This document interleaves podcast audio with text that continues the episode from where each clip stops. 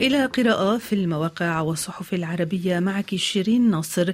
بداية جولتنا بالقدس العربي وكيف سترد مصر على اجتياح رفح؟ تقول القدس العربية أن بعض التحليلات ربطت انحناءات القرار المصري فيما يتعلق بغزة بالأوضاع الاقتصادية المتردية التي نتجت عن سوء إدارة الأموال الضخمة التي تدفقت على مصر منذ بدء حكم الرئيس عبد الفتاح السيسي والتي قاربت المئة مليار دولار وانتهى الأمر بعجز عجز الحكومة المصرية في شباط فبراير 2022 عن سداد ديونها لولا تدخل قطر والسعودية والإمارات التي أودعت 14 مليار دولار في البنك المركزي المصري.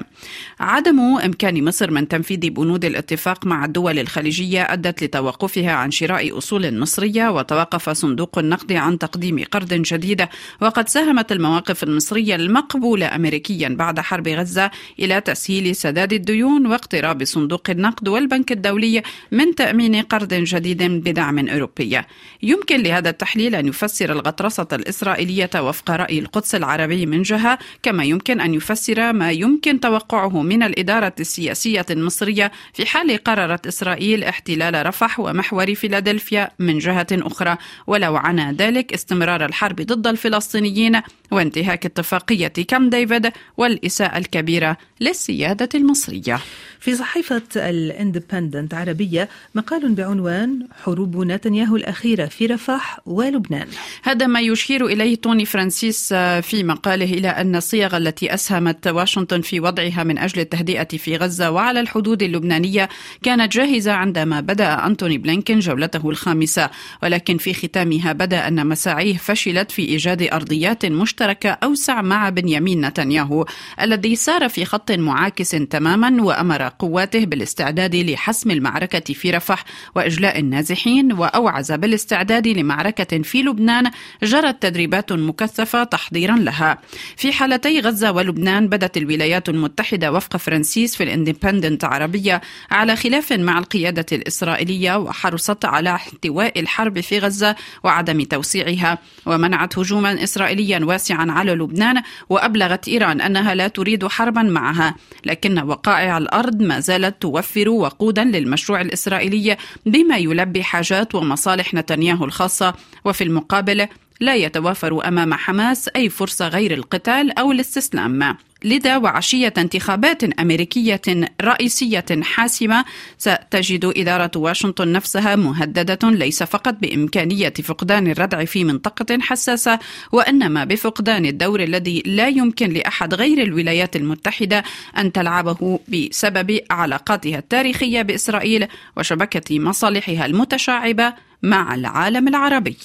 إلى الأخبار اللبنانية اقتراح فرنسي بانسحاب حزب الله عن الحدود وانتشار الجيش اللبناني. صحيح رولا تنقل الصحيفة الخطوط العريضة لحل دبلوماسي فرنسي عبر تسليم وزير الخارجية الفرنسي ستيفان سيجورني الثلاثاء الماضي.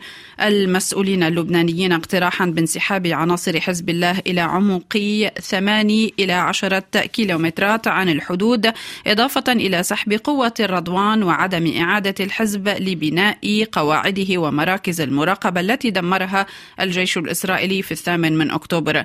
غير أن الاقتراح لم يشر إلى الإجراءات المفترض أن تقوم بها إسرائيل علما أن المقترح الأمريكي يتحدث عن انسحاب إسرائيل من النقاط البرية التي لا تزال تحتلها على طول الحدود من الناقورة حتى قرية الغجر وإخراج بلدة الماري.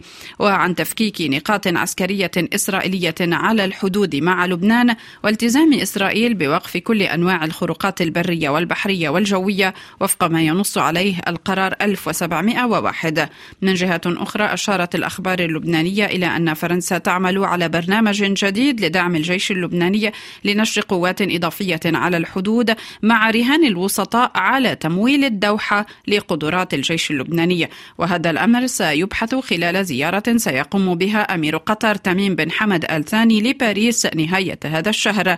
علما أن الجانب الفرنسي ناقش مع قيادة الجيش اللبناني إمكانية إرسال أكثر من عشرة آلاف جندي إلى الحدود وسمع أنه لا توجد إمكانية مادية للقيام بهذه المهمة. واشنطن وطهران بين المرغوب والممكن والصعب. نقرأ هذا العنوان في صحيفة الشرق الأوسط. هذا ما نقرأه لسامي منسى. أن موقف حلفاء واشنطن الممتعد من السياسات التي اعتمدتها الولايات المتحدة تجاه إيران هو موقف مبرر ولعل تنفيذ الضربات بواسطة قاذفات بعيدة المدى من طراز بي 1 من كاليفورنيا وعدم استخدام القواعد الأمريكية المتمركزة في الشرق الأوسط ردا على استهداف جنود أمريكيين في الأردن هو اعتراف واضح بأن الحلفاء لا يريدون أي ارتباط بالضربات تماشيا مع سياسة التهدئة مع طهران وتحسبا لاستهداف وكلائها لهم انتقاما. وسط كل ذلك يسأل منسى إن كان استهداف إيران في هذا الوقت سيكون لصالح المنطقة وأمنها. الخشية من الفوضى في إيران وتداعياتها في حال الانهيار تقلق الأمريكيين والروس والأوروبيين لا سيما أن نتائج سقوط الاستبداد حسب وصف الكاتب هي الاقتتال الداخلي والشذمة ومن الواضح أيضا أن النظام الإيراني لا يريد الحرب مع الولايات المتحدة مع الضعف الاقتصادي والعزلة الدبلوماسية والمعارضة المتنامية في الداخل فضلا عن أنه لا يستطيع تحمل تكاليفها.